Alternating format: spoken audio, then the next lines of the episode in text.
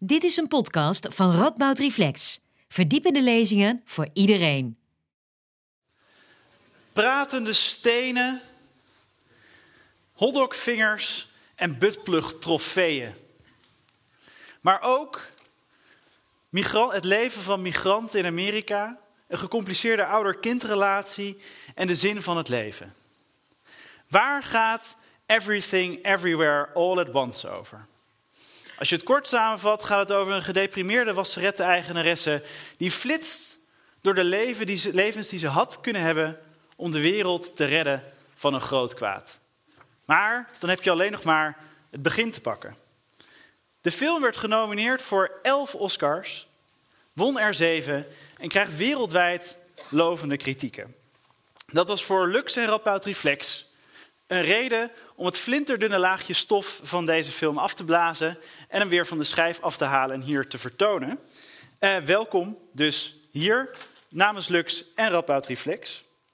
Want in deze knotsgekke film die je straks gaat zien, zitten hele wijze lessen verborgen. En dat vindt ook Simon Guzman, Guzman sorry. Uh, en hij uh, gaat zo meteen een lezing geven over betekenis in het multiversum. Hij is filosoof aan de Universiteit Utrecht en schreef samen met Arjen Klein-Herenbrink het boek Avonturen bestaan niet. Hij is een expert op het gebied van Sartre en het existentialisme. Um, hij gaat eerst 15 minuten praten, vervolgens hebben we een kort interview en dan zijn er, is er ruimte voor u om vragen te stellen. Als dat is geweest, heeft u 20 minuten pauze om even uw benen te strekken en een drankje te halen en dan weer heel snel terug te komen in 20 minuten. Dat gaat goed komen. Uh, en dan gaat de film starten. Maar we beginnen in dit universum althans met Simon Guzman. Dankjewel Adriaan. We, staat u aan? Ja? Het idee van het multiversum is ontzettend populair in hedendaagse media. Wat als er, behalve het universum waarin wij leven, andere universa zouden zijn, bevolkt met dezelfde personen, maar waar dingen net even anders zouden lopen. Het idee van het multiversum heeft zich opgewerkt uit de krochten van de obscure natuurkunde en science fiction en is inmiddels behoorlijk mainstream. Komt voor in populaire miljoenen, biljoenen franchises zoals Marvel en Rick and Morty. En nu ook bij deze Oscar-winnende film Everything, Everywhere, All at Once. Het multiversum is verbonden aan een filosofische vraag. Wat als dingen anders waren dan dat ze zijn? En die vraag houdt ons een spiegel voor.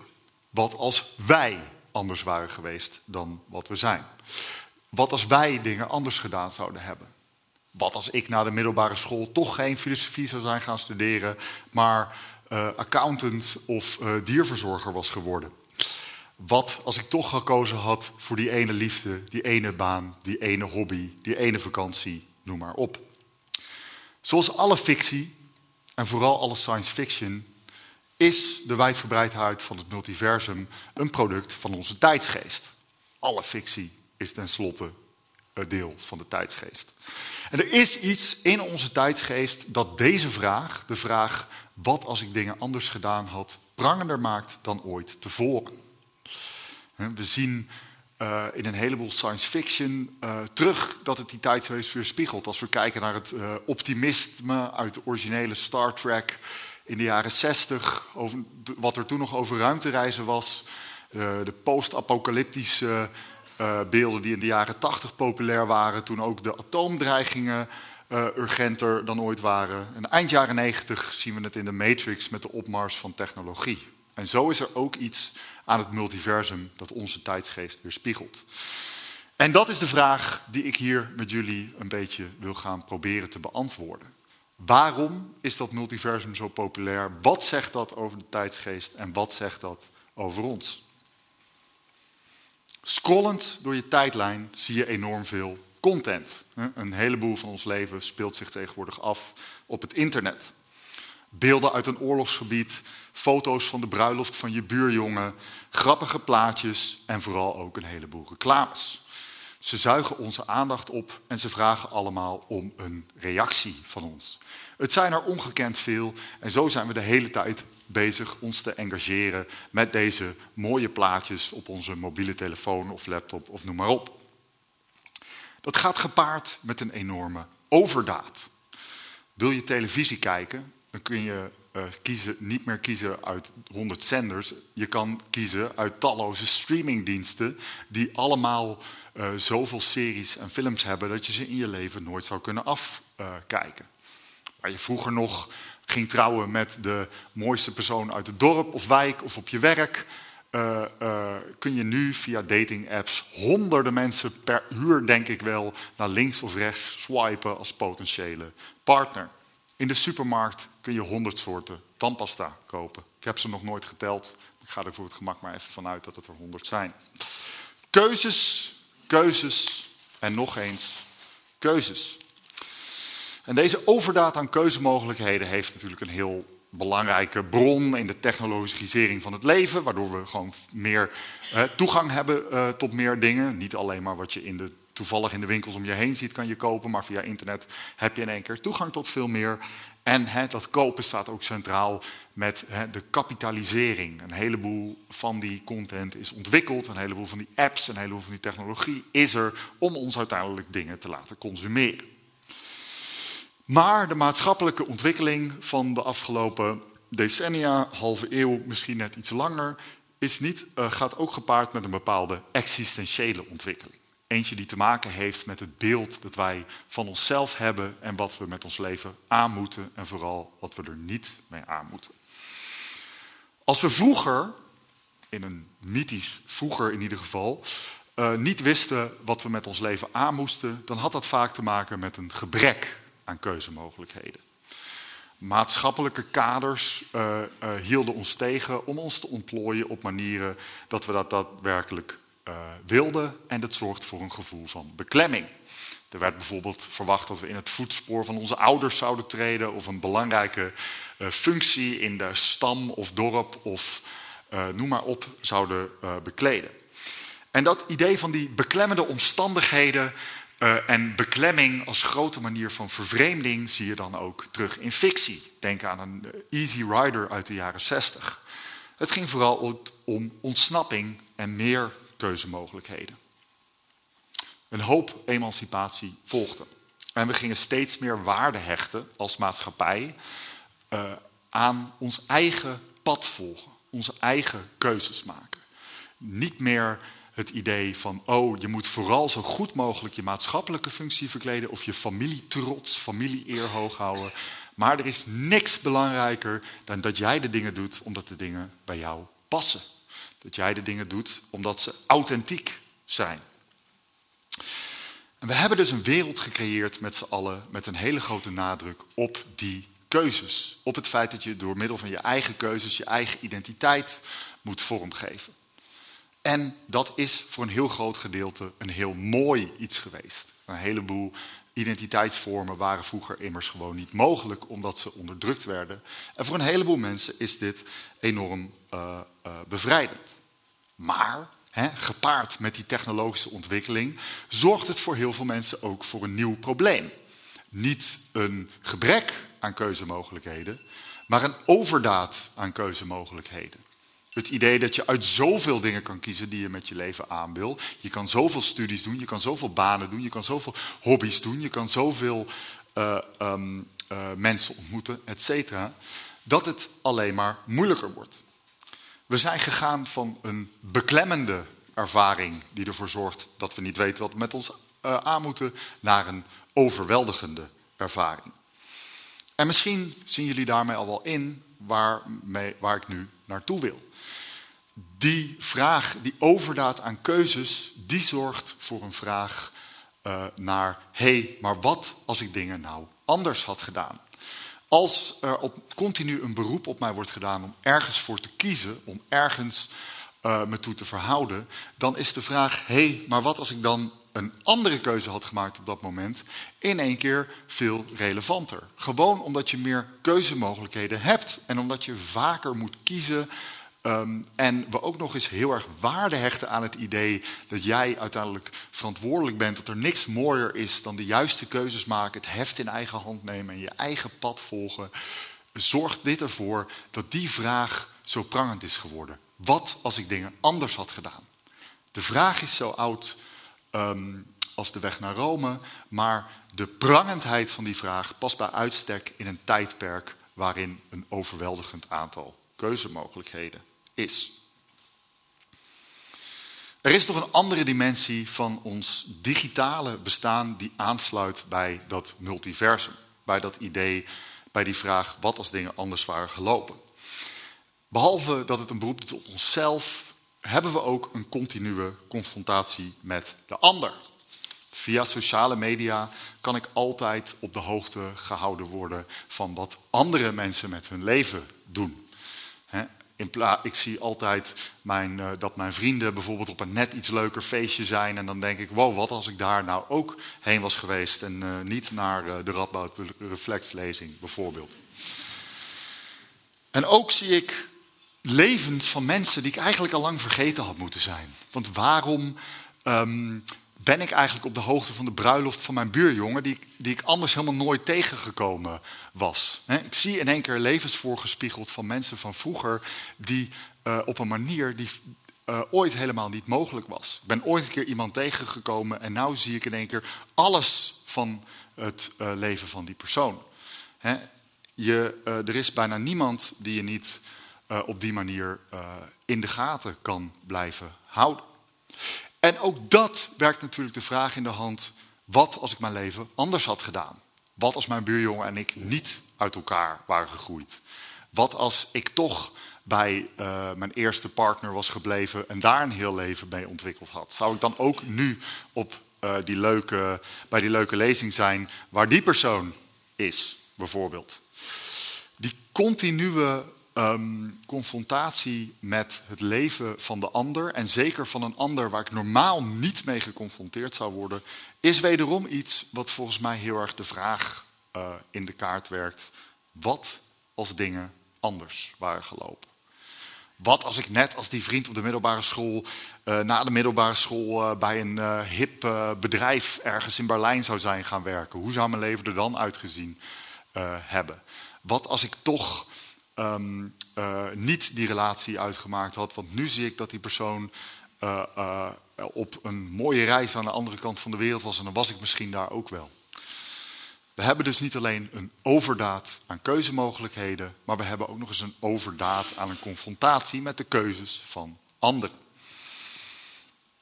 En deze overdaden werken de vraag in de hand: wat als ik dingen anders had gedaan?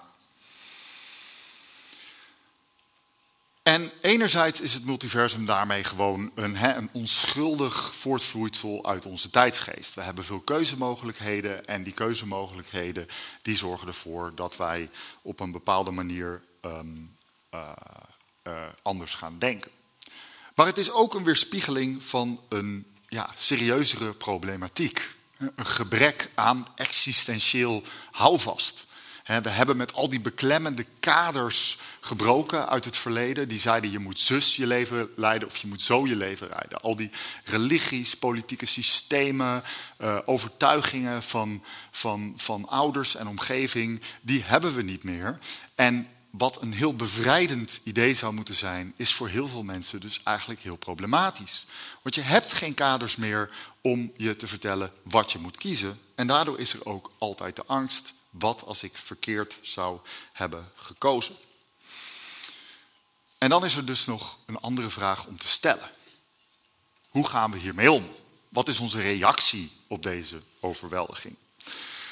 Als, uh, daarbij is het denk ik goed om te onderstrepen dat het niet zonder meer is, oh we moeten terug naar een of ander kader. Je ziet dat ook online heel erg terug, mensen die weer hun toevlucht zoeken in astrologie, uh, of andere archaïsche denkbeelden, om daarmee toch een vraag te hebben van wat ik moet doen. Dan gaan we toch weer, weer zoeken bij een sterrenbeeld of bij een Myers-Briggs test of dat soort uh, dingen. Is er een manier waarop we de overweldiging tegen kunnen gaan zonder terug te vallen in de beklemming? Ik denk het wel. En uh, die optie zit in de filosofische stroming van het existentialisme. In het existentialisme staat dat idee dat er geen vaststaande waarheid is centraal. De wereld is volledig contingent. Dat betekent dat dingen geen noodzakelijke betekenis hebben. Het is niet zo dat er een soort kosmisch script is, een soort kosmisch plan gemaakt door moeder natuur of God of uh, uh, politiek, wat ons voor eens en altijd vertelt wat we moeten doen. En wat dat betreft past het heel goed bij het gebrek aan houvast. Alleen waarin het existentialisme verschilt van uh, hoe wij in onze tijd vaak denken, is dat het, ondanks dat het de, uh, uh, de nadruk ook legt op onze eigen verantwoordelijkheid, op een andere manier denkt over wat het betekent om te kiezen. Het existentialisme werd ook populair in de tweede helft van de 20e eeuw vanuit de roep naar meer uh, vrijheid, maar gaat uiteindelijk niet om het zoveel mogelijk keuzemogelijkheden hebben. Maar het gaat om het idee dat jij gevormd wordt door je keuzes. Maar niet door die triviale keuzes. Er is een bepaald onderscheid tussen soorten keuzes die je kan maken. Triviale keuzes enerzijds en fundamentele keuzes anderzijds.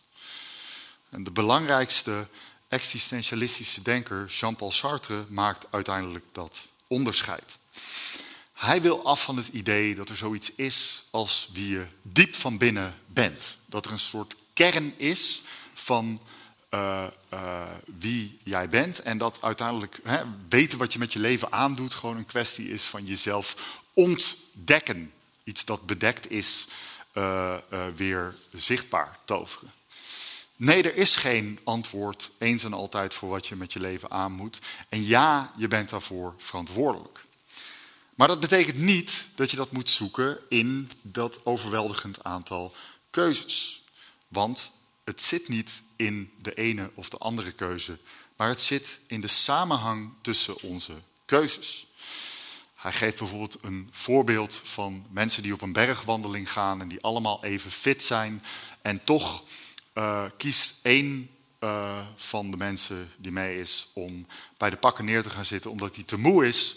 En de andere die um, kiest ervoor om door te gaan. Dan vraagt hij, wat als er niet zoiets is als een soort vaste kern die hun bepaalt, bepaalt dan dat ze in dezelfde situatie iets anders doen?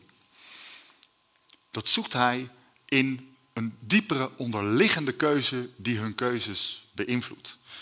Um, bij de een, degene die gaat neerzitten, is het misschien zo, ja, ik kies ervoor om uh, te gaan uh, uh, zitten, omdat ik het belangrijk vind om eerlijk te zijn tegenover mijn vrienden. Als ik met mijn vrienden een bergwandeling ga doen en ik ben moe, dan geef ik dat gewoon eerlijk toe. Dan ga ik me niet, mezelf niet stoer houden.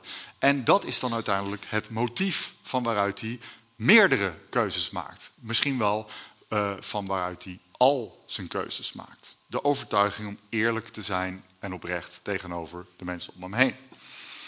De andere persoon heeft het over dat hij uh, waarde hecht aan uitdaging.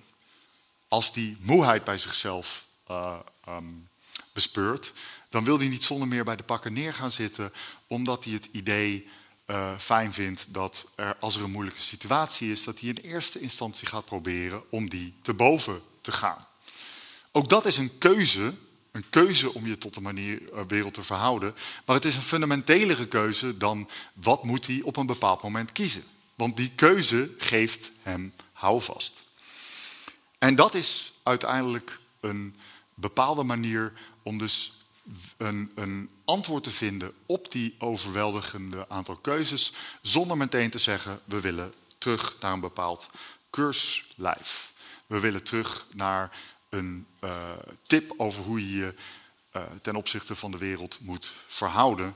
Maar we houden vast aan het idee wat we zelf hebben veroverd ten opzichte van die beklemmende casus van vroeger. Dat we vrij en verantwoordelijk zijn om te kiezen.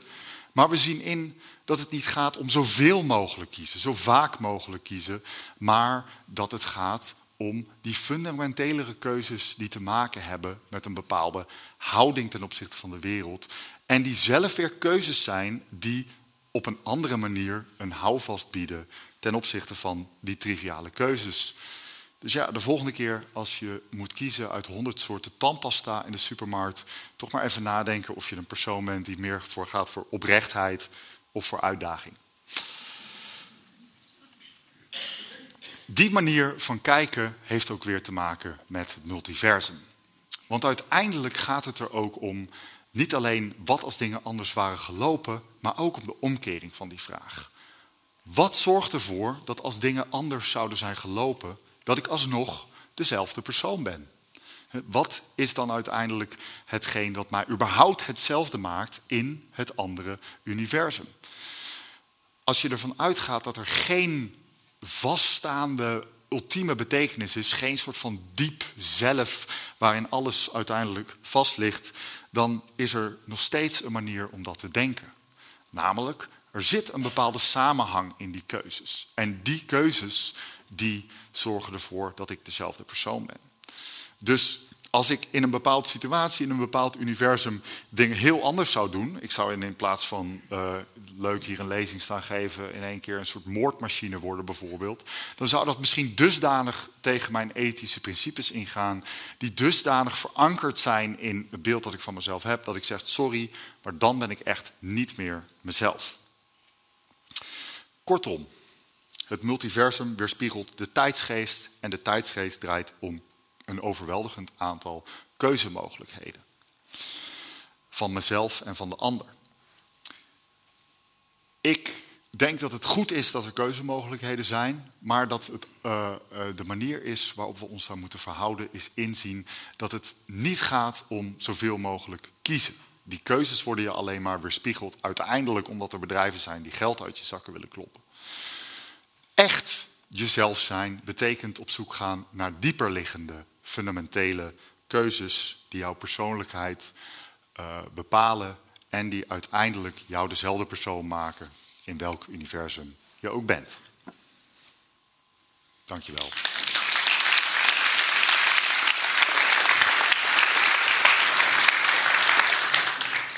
Voordat we het interview beginnen, ben ik eigenlijk wel heel nieuwsgierig in deze zaal wie al de keuze heeft gemaakt om deze film al eerder te zien. Dus steek uw hand op als u hem al gezien heeft. Oh, dat zijn veel, het, het, het, niet heel veel mensen. De meeste mensen moeten het nog zien. Ze, zijn, uh, ja. ze, zijn, ze gaan zo meteen een avontuur beleven. Daar heb jij ook over geschreven en daar wil ik eigenlijk starten. Ja. Um, je hebt geschreven over avonturen. Wat is een, uh, wat is een avontuur? Ja, de meeste verhalen die wij in de bioscoop zien zijn avonturenverhalen. En avonturenverhalen uh, die heb je in een heleboel verschillende settings en met een heel verschillende soort uh, personages. Maar het gaat altijd om een soort eenduidige structuur. Meestal is dat uh, wat ook wel een hero's journey wordt genoemd. Dus een persoon, een schijnbaar onbeduidend persoon, ik kan het zo heel snel, ik heb het zo vaak verteld, een mhm. schijnbaar onbeduidend persoon komt er op een dag achter om dat diegene in de wieg gelegd is voor grotere zaken. Onder leiding van een mentorfiguur vertrekt deze persoon naar een andere wereld om daar een set beproevingen uh, uh, aan te gaan. En deze stellen de persoon uh, uiteindelijk in staat lessen te leren om tot uh, grote ontwikkeling te komen en uiteindelijk een ultieme confrontatie te gaan en de slechterik te verslaan, de wereld te redden en hetgeen te doen waar die persoon voor in de wieg is gelegd. Uiteindelijk als de persoon uh, dit gedaan heeft, is de persoon niet meer mhm. onbeduidend, maar kan een belangrijke maatschappelijke functie bekleden. Dat was ongeveer het plot van een uh -huh. lijst van 20 films die het meeste geld in het laadje hebben gebracht van alle films. Van alle bekende avonturenfilms, van Harry Potter, Star Wars, Lord of the Rings. Die hebben allemaal min of meer zo'n verhaal. Met altijd een variatie en altijd een ding. Maar er is een bepaald iets dat er heel belangrijk in is. En dat mhm. is het idee dat uh, een held altijd een soort uh, uh, pad van persoonlijke ontwikkeling doormaakt, waarbij alles wat er gebeurt in het avonturenverhaal bijdraagt aan de afloop van het verhaal. Dus niks is contingent.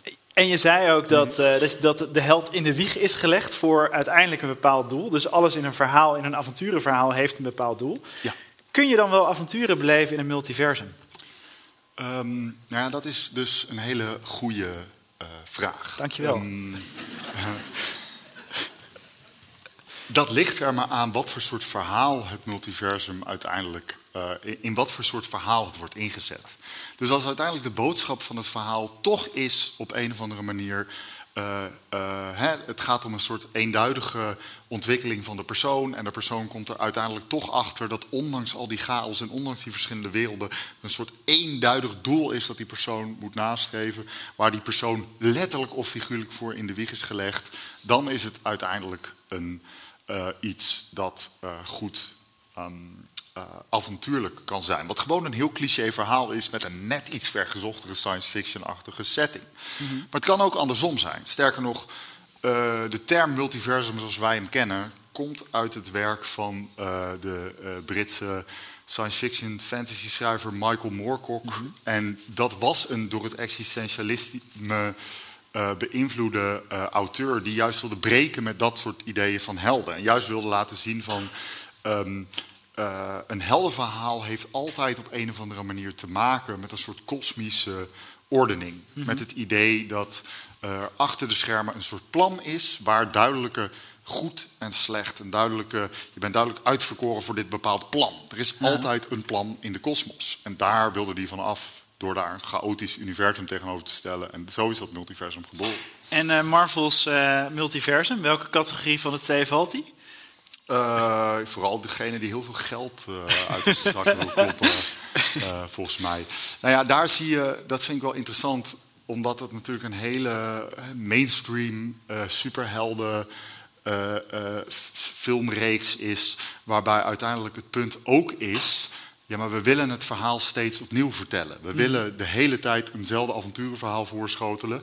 En we halen daarbij alles uit de kast wat we kunnen doen. Dus ook het idee van wat als die vorige film toch uiteindelijk maar in het ene universum was. En dan kunnen we ook nog laten zien wat er parallel aan gebeurt. Ik heb het idee dat de Marvel-auteurs gewoon heel lui zijn en niet allemaal coherent willen maken. Nou ja.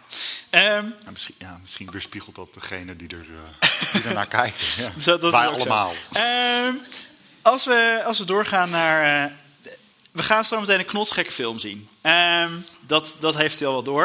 Um, en je stelt dat, dat, dat, dat de coherentie van keuzes uh, is heel belangrijk voor het existentialisme. Mm -hmm. Dat, dat um, gaat ook uit van het feit dat er heel veel keuzevrijheid is.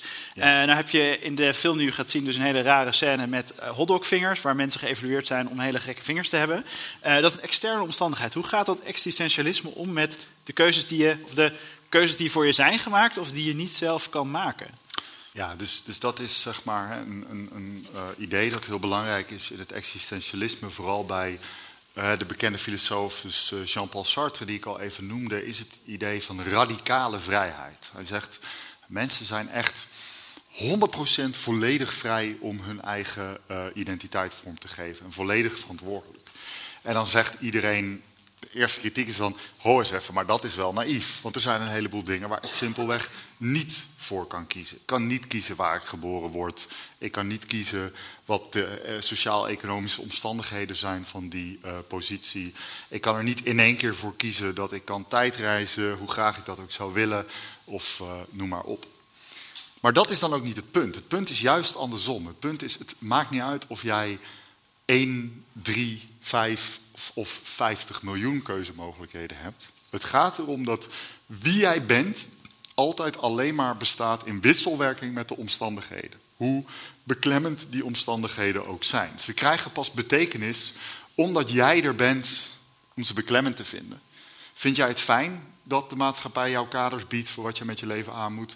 Of vind je dat vervelend? In die kleine keuze, um, uh, iets soort van alleen al je verhouden tot de mogelijkheden die je hebt, daar zit dat in.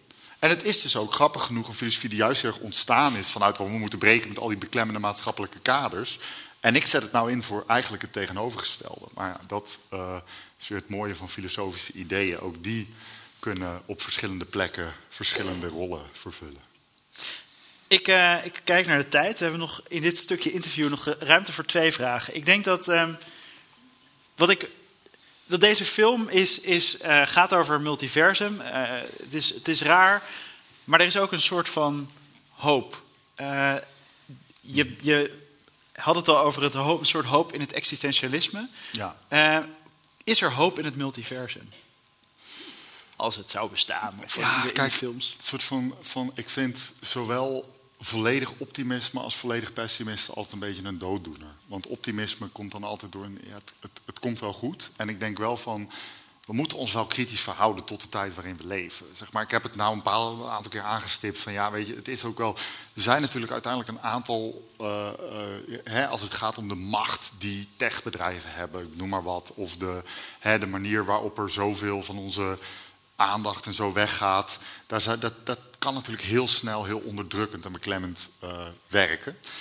dus dat is het soort van pessimistische verhaal. Maar ik denk dat als er dan überhaupt geen verzet meer tegen die dingen mogelijk is, ja, dan heeft het überhaupt geen zin om daar überhaupt nog duiding aan te geven. Dus uiteindelijk wil je, hè, ondanks dat ik niet een ja, soort goede zelfhulptip heb van goh, hoe ga je om met keuzestress, toch wat kaders om dan uiteindelijk te zeggen van ja, maar door middel van bepaalde filosofische concepten kun je wel beter in staat zijn om over jezelf na te denken en je daarmee ook weer tot die soms een beetje deprimerende tijdsgeest verhouden en het daarmee ietsje makkelijker maken voor jezelf.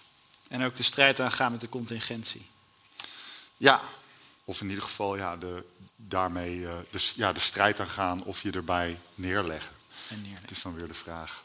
De, de laatste vraag dan van dit stukje interview. Um, je, je begon je lezing met de vraag: wat als ik accountant was geworden? Ja. Uh, dat lijkt me een fundamentele keuze in het existentieel denken waar je het net over had. Ja. Um, Zitten er veel accountants in de Ja, dat is een goede vraag. Is iemand accountant? Nee. Uh, nee, die kunnen wat, we wel.